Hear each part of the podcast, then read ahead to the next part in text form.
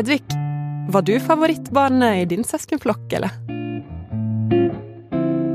Ja, Det der er jo alltid et godt spørsmål. Eh, Jeg var i hvert fall minst og søtest, så de andre syntes nok det. Eh, Men jeg tenker jo at jeg absolutt ikke var det. Det er bare én av de tingene vi skal snakke om i dag. For dagens tema er eh, når ett søsken får mer oppmerksomhet enn andre.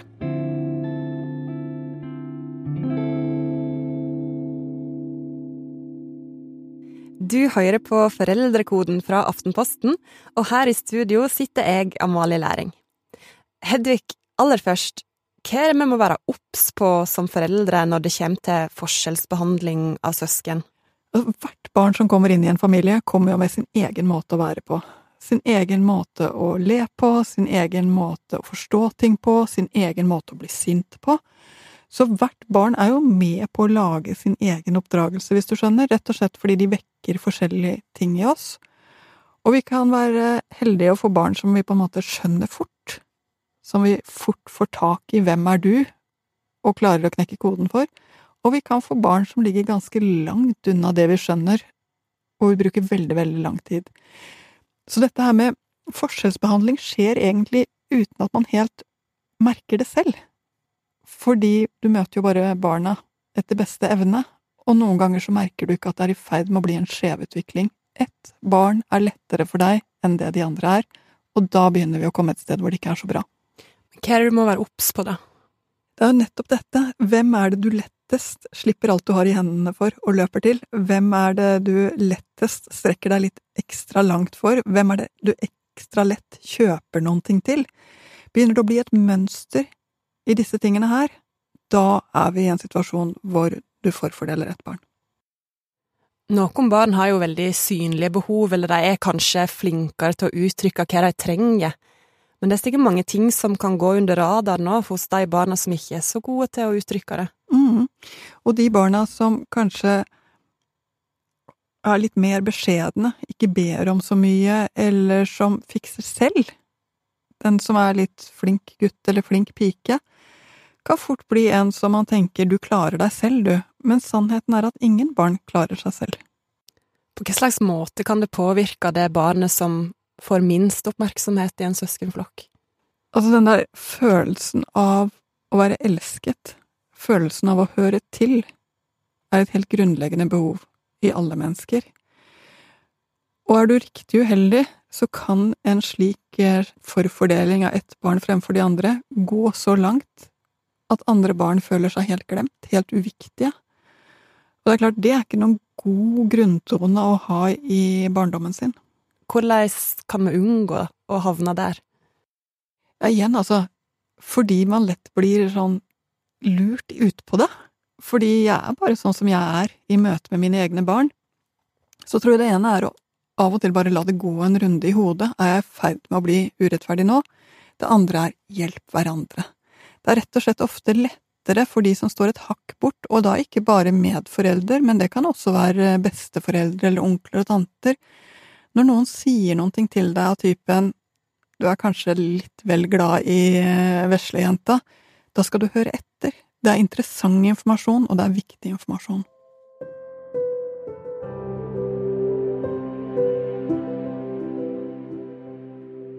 Når vi snakker om oppmerksomhet, så må vi snakke om store søsken og småsøsken. Vi var litt innom det nå, men ofte, men ikke alltid, så kan det jo være sånn at de minste, de trenger jo oppmerksomheten din mer, spesielt fysisk. De klarer ikke seg uten din hjelp. Hva er det du må passe på der, med store og små? Altså, store og små, det er jo rart, for stort sett så har vi en tendens til å bli bedre foreldre for hvert barn vi får, eh, rett og slett fordi vi har gjort det før, sett det før. Og det gjør at de første barna, de eldste barna, blir ofte hardt oppdratt. De får strenge regler, de får mye ambisjoner å strekke seg etter. Det er første gangen vi gjør det. Med barn nummer to, og kanskje spesielt med barn nummer tre, så er man litt sånn ja, men det går seg til, ja, men det trenger man ikke å være så streng på, ja, men det er bortkastet tid å kjøre hardt mot hardt på. Og så blir man rett og slett en bedre forelder, men glemmer at man også må justere for eldstemann underveis, sånn at ikke han eller hun skal brøyte veien på allting hele tiden. Så det er en ting å legge merke til på store og små barn. Det andre vi ser på store og små barn, det er at eh, Det er lett å tenke at treåringen er kjempestor fordi det finnes en baby i hus, men en treåring er fortsatt bare en treåring. Så um, han eller hun er ikke blitt voksen bare fordi det har kommet en baby i hus. Det er lett å forvente for mye av de store barna. Men hva syns du da om setningen 'nå må du vise at du er størst'? For det, kan, det blir jo sagt ganske ofte i, mange heimer. Og den er lett å ty til, vet du, fordi du trenger litt hjelp. Men da er det faktisk bedre å si akkurat det. Åh, kan du hjelpe meg litt her? Og ikke si noe om at han er stor eller liten, men rett og slett gi en oppgave som er helt konkret, og som barnet kan klare. Kan du holde denne mens jeg skifter på, eller kan du lukke døren der mens jeg gjør sånn? Den type veldig konkrete oppgaver er mye, mye bedre når du trenger hjelp, enn å si nå må du vise at du er stor, fordi da blir dette store søskenet veldig, veldig lei av å være stor. Jeg vet ikke, I noen situasjoner som du skal ha med deg barna ut på et eller annet, og så vil de ikke. Da er det ganske lett å gå til den største og bare Kan du komme eh, og vise at du er størst, for da blir de andre med og Kjempelett å gjøre det, og jeg må også ile til å si at helt krise er det ikke heller. For det er godt å føle seg som stor, det er godt å føle seg som flink og som en medhjelper. Eh, så det er ikke helt altså at du innimellom gjør det, men når det blir mønsteret, når det er det du tar til når du ikke vet hva du skal gjøre for noe selv, da tror jeg kanskje du skal se mer på hvordan du håndterer situasjonen selv, enn på hva det er for noe eldste man skal gjøre. Hvordan kan du trygge de største søsknene på at de er like viktige som de små? Åh, alenetid. Altså, det er nå engang slik at alle barn trenger litt tid alene med foreldrene sine. Gjerne én og én, men av og til innimellom også luksustiden, oss tre sammen. Så det å finne de der øyeblikkene, når småsøsken har lagt, eller eh, når du tar med bare den eldste på butikken, eller når eh, dere kanskje til og med drar på en tur, bare dere to eller dere tre, mens eh, de små er hjemme med noen annen. Sånne ting er så verdifullt. Ikke bare for at du viser den eldste at du er verdifull, men du viser jo også det barnet Du lærer også å kjenne det barnet interessert på en annen måte når du har alenetid, stiller andre spørsmål. For ellers blir det jo lett slik i en familie at vi bruker så mye krefter på det vi må gjøre, at vi ikke får denne overskuddet til å undres over de barna vi har fått, høre ordentlig etter hva den eldste egentlig sier og mener. Så trikset her er ikke ofte, vi snakker nok om en sjelden gang, men allikevel jevnlig passe på å ha alenetid med hvert av barna.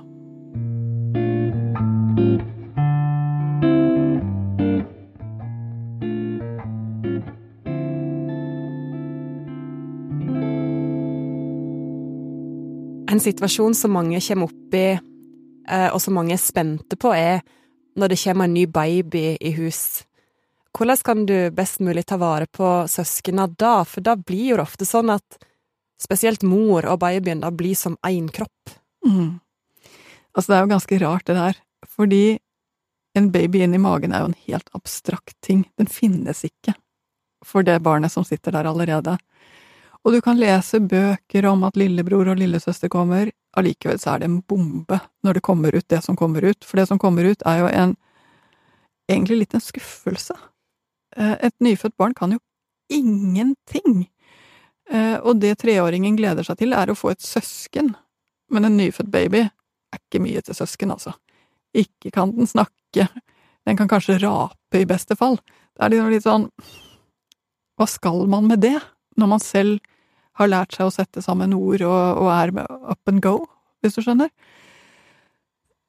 Så jeg tror at nesten uansett hvor godt arbeid vi gjør med å forberede, og vi skal gjøre det, vi skal forklare hva som skal skje, vi skal eh, ikke la babyen komme som en overraskelse, for all del ikke, men vær klar over at uansett hvor mye du har forberedt, så kommer babyen som en overraskelse.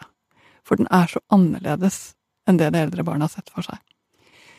Og det å gi det eldre barnet litt tid til å bli vant til at det er en litt annen rytme, gi det eldre barnet tid til at du får fortsatt oppmerksomhet på litt andre tider og på litt andre måter, vise for det eldre barnet hva det er for noe den lille babyen trenger, og forklare at den lille babyen kommer til å vokse seg til.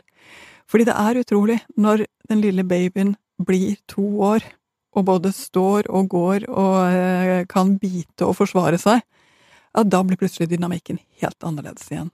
Så det er en kort periode hvor, eh, hvor det å passe ordentlig på at det store barnet får sin plass i familien, og også huske at store barn er ingen barnevakt. De kan ikke være alene med babyer.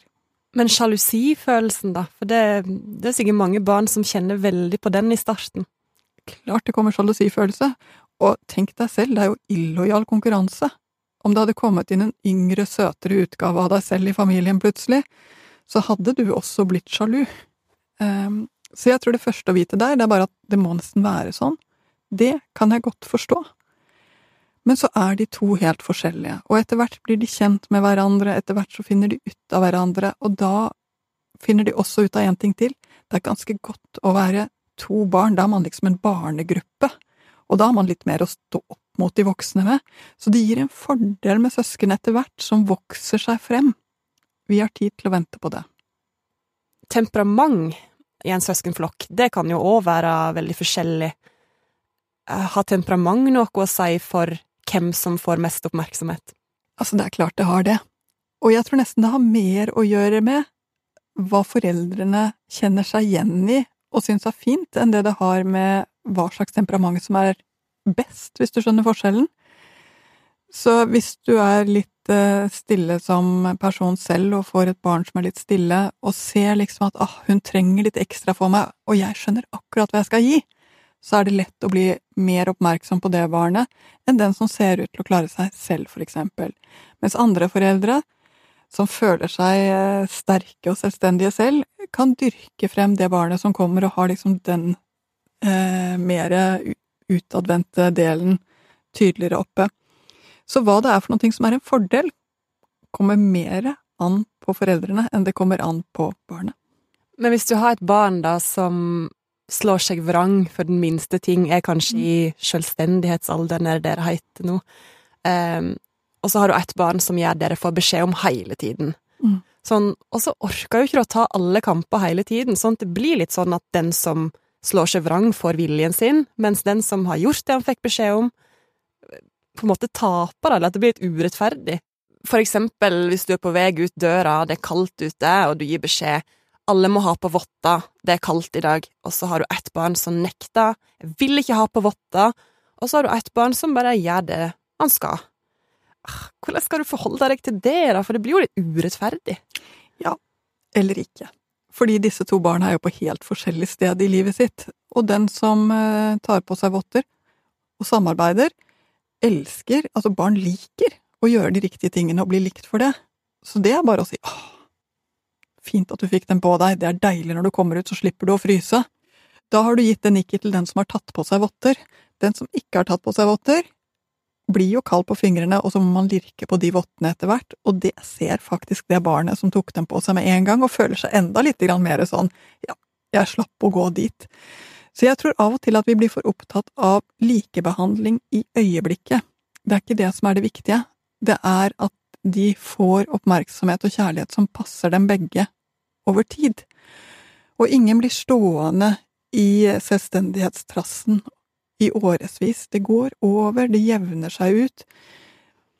Jeg tror av og til at det at de får lov til å være sammen, finne ut av hverandre, får lov til å se hva som skjer med den andre når han eller hun gjør sånn eller slik, det er jo noe av det som er interessant, og vi ser det så tydelig i andre enden. For når én kommer i pubertet og den andre ikke er der, så sklir de så langt fra hverandre igjen. De skjønner hverandre ikke i det hele tatt.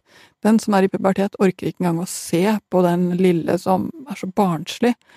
Og lillebror eller lillesøster skjønner ikke hvem det er som har forhekset og tatt storesøsken bort fra dem, inn i denne bobla. Da ser man igjen de sklir langt bort fra hverandre.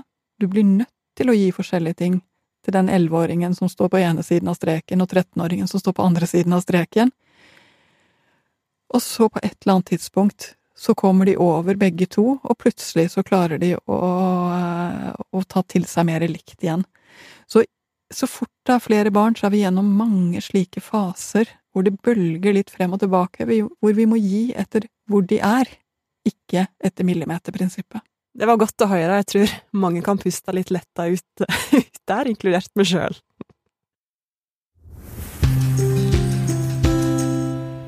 Vi skal snakke om favorisering.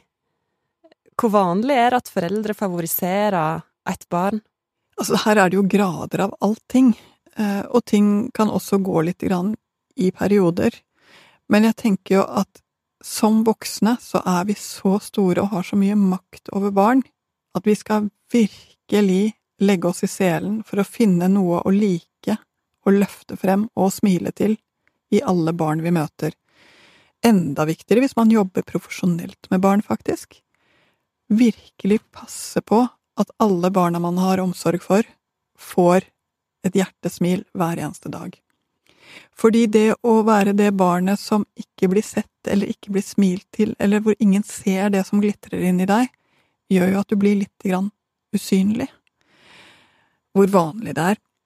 Jeg tror det er ganske fort gjort å kjenne i en familie at akkurat nå fikk ett barn mer oppmerksomhet enn et annet. Her må jeg rette litt opp. Det tror jeg skjer i alle familier, innimellom. Og så må man rette opp. Heve blikket litt, gå inn til den som kanskje har trukket seg unna litt, smile. Gå ut igjen etter at du har fått den der lille bekreftelsen at jeg vet at du ser meg. Det å være forelder er liksom en sånn langtidsarbeid, eh, og målet er ikke å behandle likt, men at begge, eller alle tre, eller alle fire, eller hvor mange det nå er, føler seg likt og sett. Men favorisering kan jo skje ubevisst òg. Jeg tror faktisk det vanligste er at det er ubevisst. Jeg tror det er svært få foreldre som egentlig ønsker å dyrke frem ett barn foran de andre, selv om det kanskje ikke er så lenge siden det var helt vanlig å favorisere gutter, for eksempel. Ikke så lang tid tilbake igjen før det var en del familier som gjorde det, fordi han skulle overta gården, for eksempel, eh, som lå i odelen. Så den type ting har jo ligget i systemet vårt for ikke så veldig lang tid tilbake igjen, og i odelen så ligger det fortsatt i systemet vårt at ett barn skal få mer enn de andre, og man vet det helt fra starten. Så der er det jo systemet som får en favoriseringseffekt, som kan lage ganske mye ubalanse i familier. Men ellers så tror jeg nok at det vanligste nå er en ubevisst favorisering. Det vil si at det bare er ett barn som kjennes lettere ut, som kjennes nærmere ut. Og når du kjenner at ett barn kjennes nærmere ut eller lettere ut, så er det et signal om at du skal bli bedre kjent med de andre søsknene. Hva gjør det med det barnet som blir favorisert? Ja, det er også interessant, for jeg tror jo Hvor ser vi dette her henne? Jeg tror vi ser det i andre enden, under arveoppgjørene. For det er en grunn til at det er mye krangel i arveoppgjørene, og en av de tingene er nettopp her. At de andre barna da vil få rettet opp i balansen, eller at den som har følt seg favorisert, har også følt seg spesielt skyldig til å følge opp gamle foreldre og hjelpe dem, og føler at han eller hun har gjort veldig mye mer enn de andre foreldrene. Kanskje til og med utslettet seg selv lite grann, for å fortjene det han eller hun har fått. Så det er ikke noe spesielt god posisjon å være i, å være den favoriserte, heller. Nei, for hva gjør det med relasjonen søsken imellom?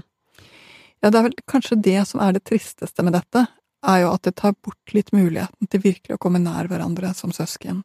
Fordi det å komme nær hverandre krever litt en likverdighet, og opplevelsen av at vi er en barnegruppe. I det øyeblikk ett barn er løftet opp over de andre, så er man jo ikke i den barnegruppen lenger. Så det blir vanskeligere å komme nær hverandre. Jeg tror nok mange klarer å overkomme dette i voksen alder ved rett og slett å sette ord på det som har skjedd, ved å snakke med hverandre om hvordan det har kjentes ut, og med å forstå hverandre, hvordan det har vært å være deg oppi dette. Men mange får nok aldri rettet opp i det. Tidligere denne sesongen så snakka vi om eh, barneidrett og hvordan foreldre skal forholde seg til det. Eh, men hvis du har en søskenflokk der eh, et av barna er veldig god til noe, og dermed får masse oppmerksomhet, hva er det som er viktig å huske på da? At det er faktisk utrolig interessant. Hvordan det barnet som får til noen ting, plutselig skal slippe å gjøre allting annet, og, og, alle, og får alt strålkasterlyset på seg. Men for å si det sånn, det er verken bra for talentet til det barnet eller for søsknene. Så kjenner du at du er så stolt at hjertet ditt brister av ett barn, flytt brikket over til de andre barna og se hva du er stolt av i dem.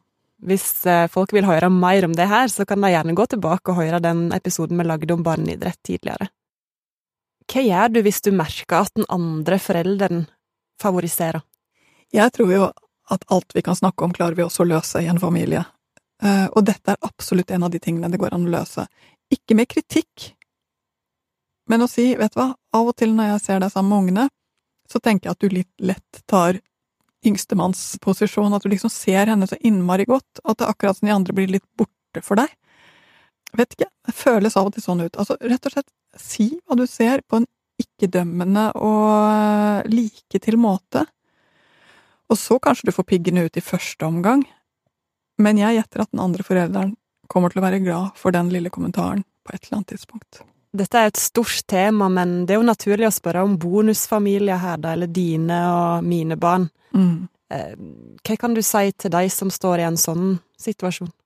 Altså, jeg kan love at dette skal vi lage egen episode på, fordi det er et stort tema. Det er veldig, veldig lett å få følelsen av at de barna som kommer på besøk, altså de du selv ikke har eh, født eller uh, vært holdt i armene som baby, får du ikke et like nært forhold til. Som gjør at når det er felles barn i, i den nye familien, så sklir de litt ut, de andre barna. Bevisst sjelden, ubevisst veldig ofte. Å være Å bygge en storfamilie, å bygge en familie med flere forskjellige kull inn, krever et veldig stort hjerte av alle de voksne som er involvert.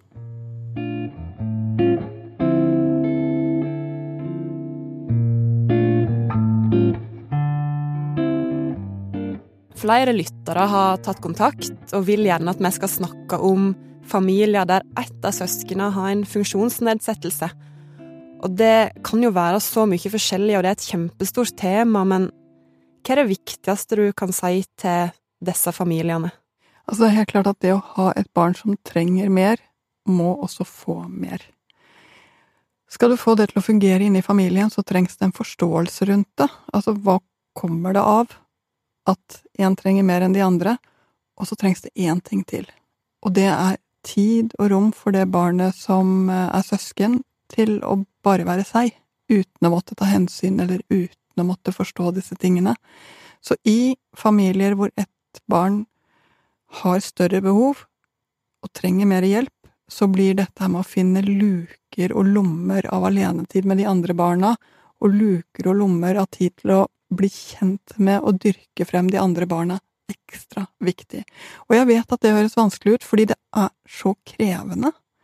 Og spesielt hvis det er barn som trenger mye hjelp, så er det veldig, veldig krevende å finne disse lommene. Men jeg vet også at bare det er noe, så gjør det en ganske stor forskjell for de barna som, som er søsken. Hva veit vi om de barna som har søsken som trenger litt ekstra?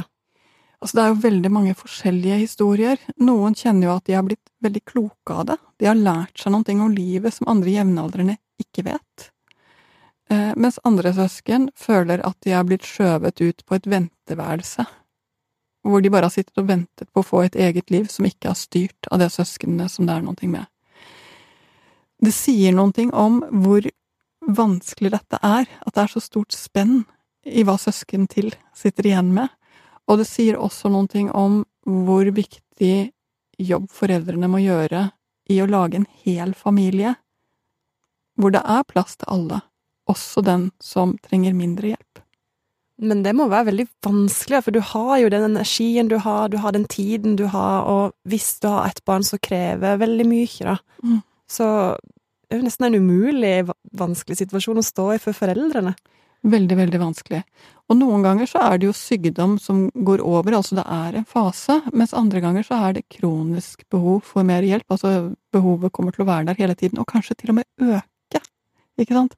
For livet er jo ikke én linje, det svinger jo og går litt frem og tilbake. Men spesielt når du står i en situasjon hvor din familie har det tøffere enn de fleste andre familier. Finn noen utenfor familien og sett deg ned og snakk med den personen om hvordan er balansen, hvordan lever vi sammen, hva gjør jeg for barna mine nå, eh, når er det lett for meg å være mamma og pappa, når er det vanskelig for oss å være mamma og pappa? Gå igjennom disse spørsmålene med noen som kan hjelpe litt til med å sortere, fordi det er virkelig et stort tema som det ikke er så lett å stå alene med. Noen av de barna som har en funksjonsnedsettelse, vil jo merke sjøl at de krever mer av foreldrenes tid. Hvordan skal foreldrene forholde seg til det? Det å trenge det der ekstra hele tiden, det er ikke noe lett posisjon å være i i det hele tatt. Så vi står jo med en familie som trenger både mer støtte, som trenger å støtte hverandre mer, men som kanskje også trenger å, å oftere stoppe opp og se hvordan er det egentlig å være oss, alle sammen. Og her kommer en rar ting, det kan faktisk gjøre det ganske fint å være barn i disse familiene, både med og uten funksjonsnedsettelse, fordi man får opp noen temaer og får opp et språk for det som virkelig betyr noe her i livet, som andre familier kanskje ikke er i nærheten av å utvikle. Hvis du har et barn som for eksempel sitter i rullestol, eller som trenger hjelp til til mange ting. Hvor mye skal de andre søsknene involveres? Hvor mye skal de hjelpe til? For å si det sånn, det er jo en grunn til at barnearbeid ikke er lov i Norge. Eh, barn trenger å leke, de trenger å hvile, de trenger å finne seg selv. Men vi hjelper jo hverandre også i en familie. Det å legge på plass ting, det å hjelpe til med å dekke på, det å rett og slett gi og ta, er en viktig del av det å være familie. Og det høres kanskje rart ut, men det å gi og ta hjelp, altså både være en som får og en som gir hjelp, gjør jo at, at forholdene blir mye tettere. Så jeg tenker aldri at det skal være barns ansvar å, få hverdagen til å gå rundt, eller å få et søsken til å komme seg opp om morgenen, eller eh, Men å kunne hjelpe til, kunne ha liksom oppgaver som eh, hva man av og til bytter på, av og til så ble det bare sånn i dag. Men å vise den der gi og ta i familien, tror jeg faktisk gjør familiene tettere. Men så fort du tipper over, og det blir en arbeidsoppgave som du har ansvaret for, så risikerer vi at de sliter fra hverandre istedenfor. Og hva kan vi som står rundt eller utafor disse familiene, hvordan kan vi bidra? Fordi jeg snakka med ei mor som eh, har et barn som trenger litt ekstra, og hun snakka om at hun kunne ønske at flere rundt tok litt mer ansvar for det andre søskenet, fordi det fikk kanskje ikke så mye oppmerksomhet hjemme, at det hadde vært fint hvis flere tok det med seg på ting og ga det ekstra oppmerksomhet, da. Nå tror jeg i det hele tatt at vi som samfunn kan bli mye rausere mot hverandres barn, eh, og jeg tror vi kan bli mye flinkere til å hjelpe en familie som står i en krevende situasjon, om det er å ta med kake for dem til dugnaden, eller om det er å kjøre en ekstra gang eh, til fotballtreningen, eller om det er å rett og slett bare ta med det barnet hjem innimellom for å lage det eh, rommet, men også fordi det er hyggelig å ha med det barnet hjem. Lager vi plass til flere hjemme hos oss selv, så får jo både vi og barna våre større hjerter.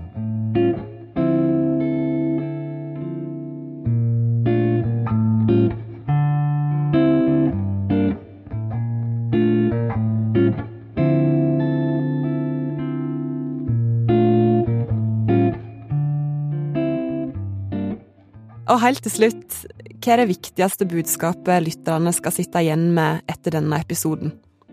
Altså, noe av det som gjør en søskenflokk så fin, er at de er forskjellige. Noe av det som gjør hjertet vårt stort, er når vi klarer å elske et stort spenn. Altså, flere barn gir oss den muligheten. Og jeg tror at du skal huske på at den muligheten skal du bruke, ikke henge deg opp i den ene.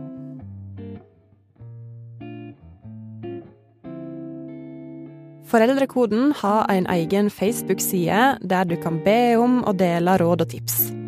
Følg oss gjerne på Instagram òg.